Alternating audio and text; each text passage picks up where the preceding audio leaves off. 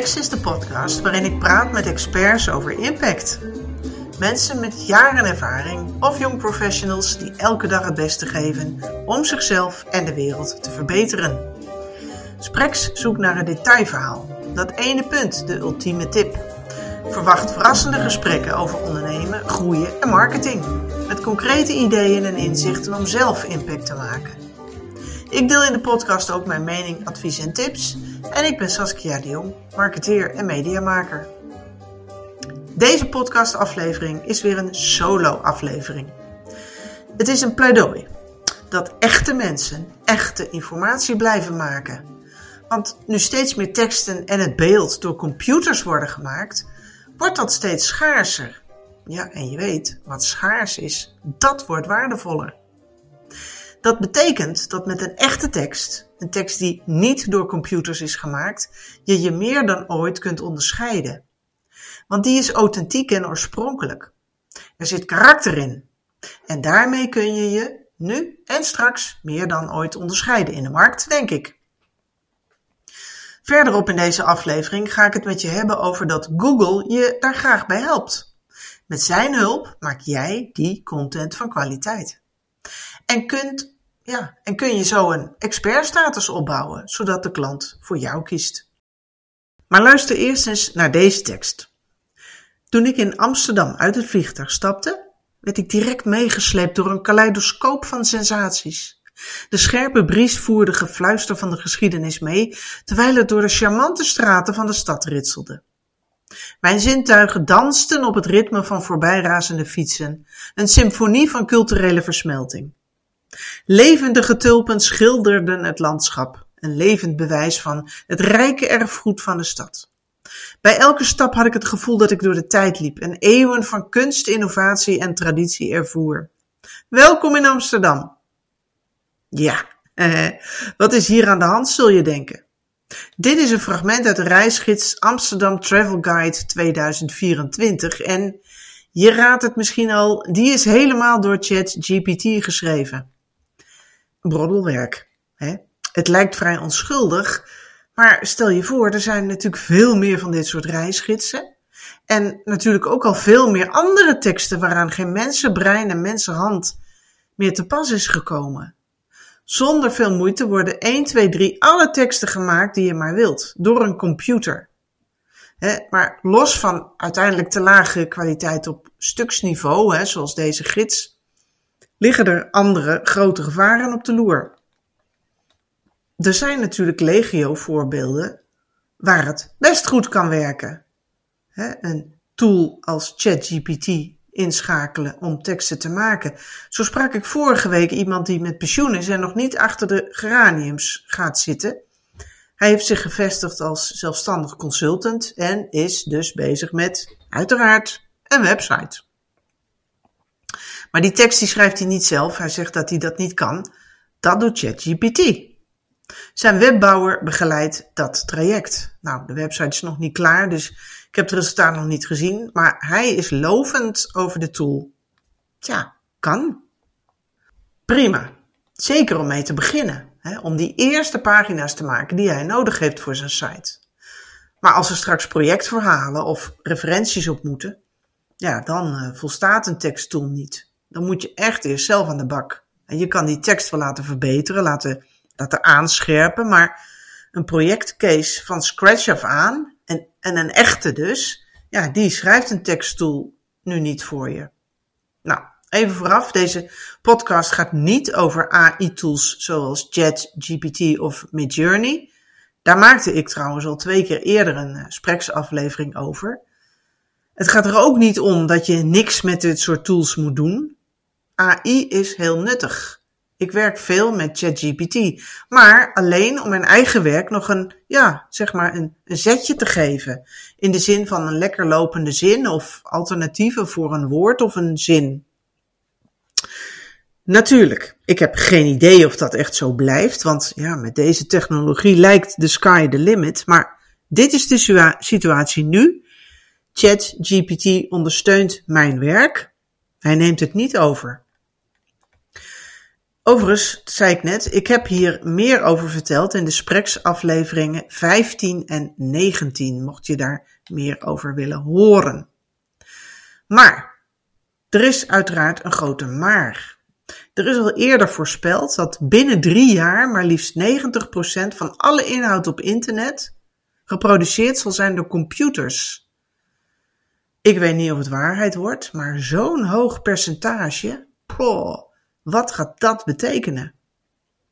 En het onderzoek van het Sociaal en Cultureel Planbureau bleek deze maand dat bijna de helft van de Nederlanders zich ja, redelijk tot veel zorgen maakt over de invloed van misinformatie op internet.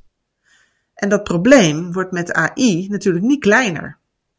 AI maakt niet alleen teksten, maar ook plaatjes en imiteert ook stemmen. Die tekst uit de reisgids over Amsterdam, ja, die valt direct door de mand. Maar ja, dat geldt natuurlijk helemaal niet voor alle kunstmatig gefabriceerde tekst. Integendeel.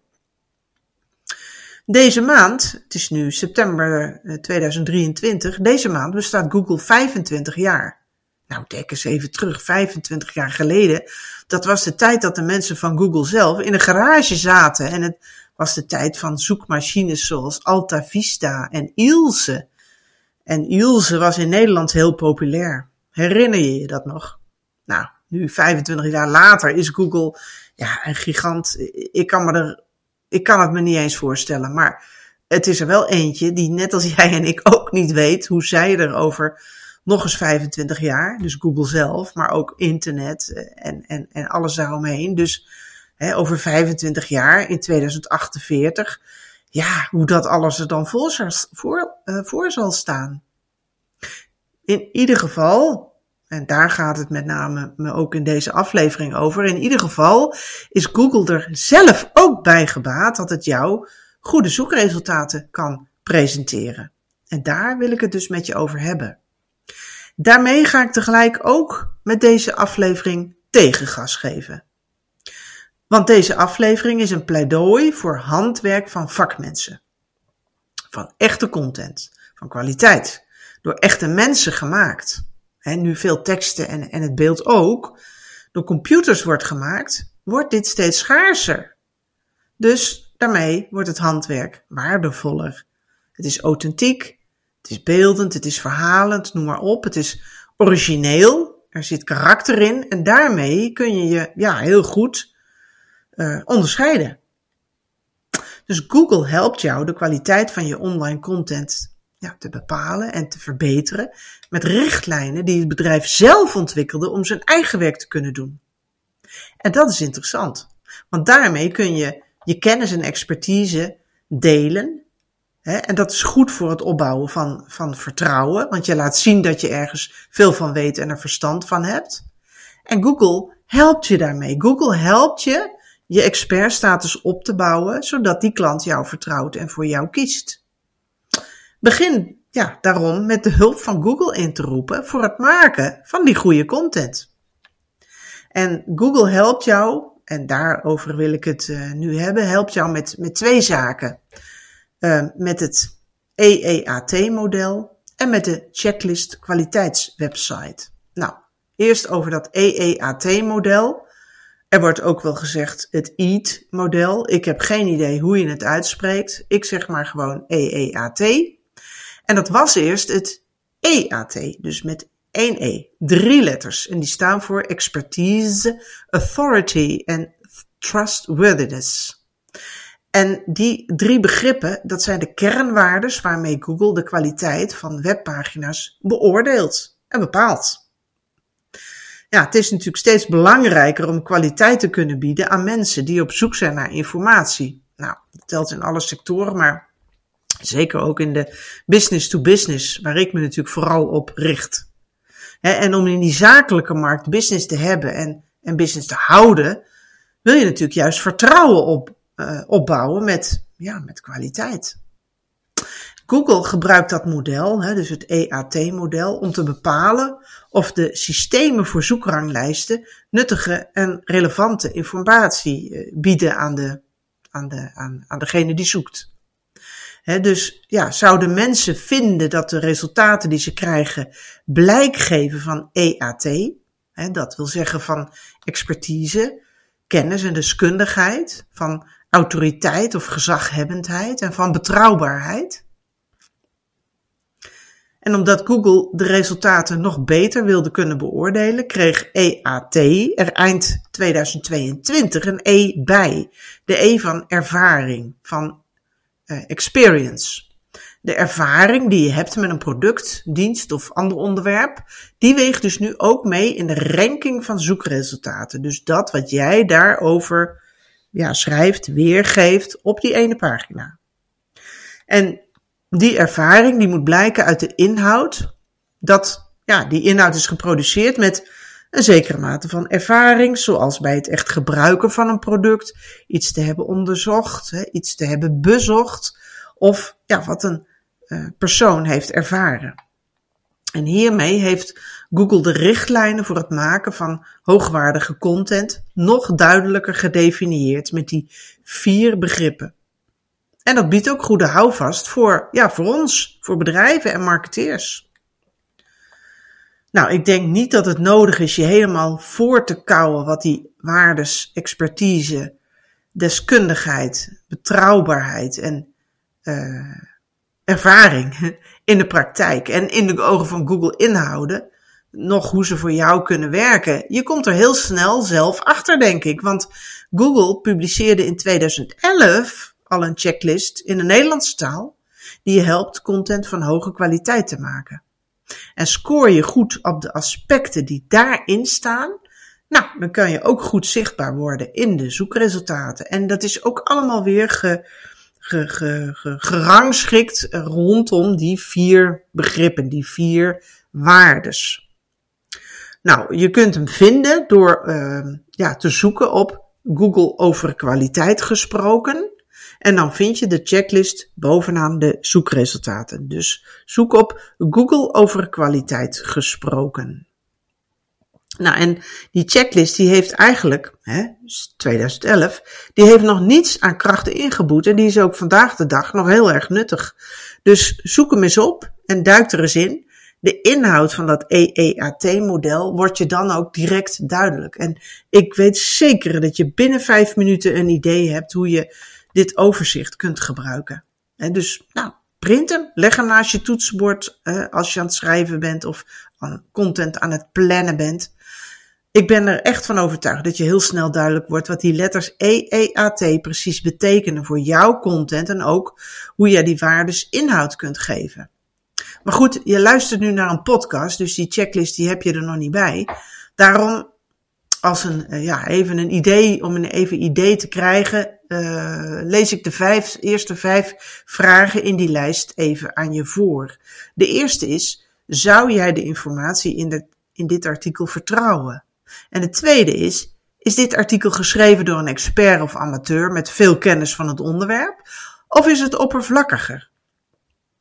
En de derde vraag is: staan er op de site dubbele, overlappende of overbodige artikelen over dezelfde of soortgelijke onderwerpen met net andere sleutelwoorden? En de vierde vraag in die lijst uh, is: zou jij jouw creditcardgegevens op deze site willen opgeven? En de vijfde tot slot: staan er spijl, sorry, de vijfde, staan er spel- of stijlfouten in dit artikel of bevat het onjuiste feiten?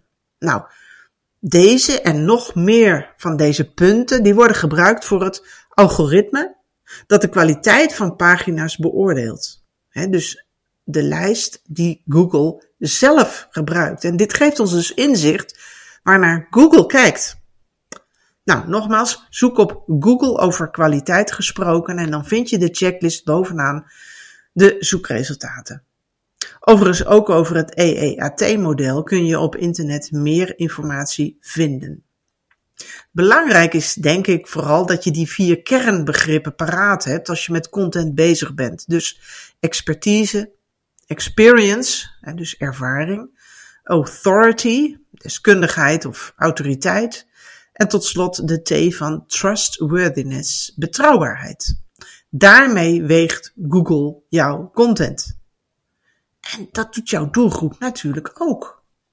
En want je weet daarmee ook, je moet voor mensen schrijven en niet voor Google.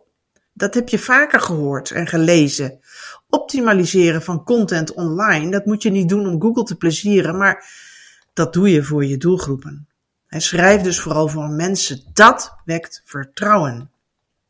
Dus zet altijd bovenaan je lijst dat je content van kwaliteit maakt, waar je klanten en relaties wat aan hebben en hen verder helpt. Die antwoorden geeft op de vragen die ze hebben en waarmee ze hun problemen kunnen aanpakken. Nou, in dit verband nog een paar andere tips die je website al heel eenvoudig kunnen helpen. Uh, als eerste, ja, voeg de auteur toe bij content hè, of informatie waar ze jou of je bedrijf kunnen bereiken. Houd de kwaliteit ook uh, continu in de gaten van content. Hè. Lage kwaliteit van een, enkele, van een enkele pagina, die kan de website in zijn geheel eigenlijk benadelen. Dus wees daar, ja, wees daar toch scherp op. En in dat uh, verband, ja, update en verbeter content. En ja, desnoods verwijder verouderde pagina's. En zeker als je ze niet kunt aanpassen. Het vertrouwen van je klanten en andere doelgroepen, dat gaat niet alleen over wat je levert. De klant moet ook vertrouwen hebben in jouw organisatie en in jou als persoon of, of je team. Je bouwt vertrouwen op met eerlijkheid, duidelijkheid en transparantie. En ja, overtuig je klanten door te laten zien dat je een expert bent op jouw vakgebied. Met jouw expertise, met jouw deskundigheid en met jouw ja, betrouwbaarheid. En inzicht in dat EEAT-model, dat kan je helpen. Uh, ja, het vertrouwen van de klant in jou stijgt als, ja, als jij als beste wordt gezien, als de expert. En vertrouwen, ja, dat is natuurlijk eigenlijk ook een persoonlijke kwestie, hè. Het stijgt namelijk als de persoon, de verkoper zelf, ook goede sociale en communicatieve vaardigheden heeft. Misschien is klantcontact dus ja, wel net zo belangrijk als de kwaliteit die je levert. Nou, dus mijn advies is: neem Google's EEAT-hulp aan. Het is in Google's belang betrouwbare informatie weer te kunnen geven aan degene die zoekt. En dat telt natuurlijk vooral over onderwerpen waarbij de kwaliteit van de informatie en dus van het product, van de dienst, essentieel is. dus zo hopen ze steeds beter de nuances weer te geven van ja, hoe mensen naar informatie zoeken. Ja, die richtlijnen zoals de EEAT en de checklist waarover ik je hier heb verteld, die gebruikt Google dus zelf om haar prestaties te evalueren en te verbeteren. En tegelijk kunnen ze dus gewoon heel erg nuttig zijn voor jou als je je werk in het algemeen wilt verbeteren, om daarmee bijvoorbeeld beter in Google tevoorschijn te komen. En natuurlijk om je te onderscheiden van slechte teksten van computers. Dus EEAT is ook bruikbaar als onderscheid van AI-teksten.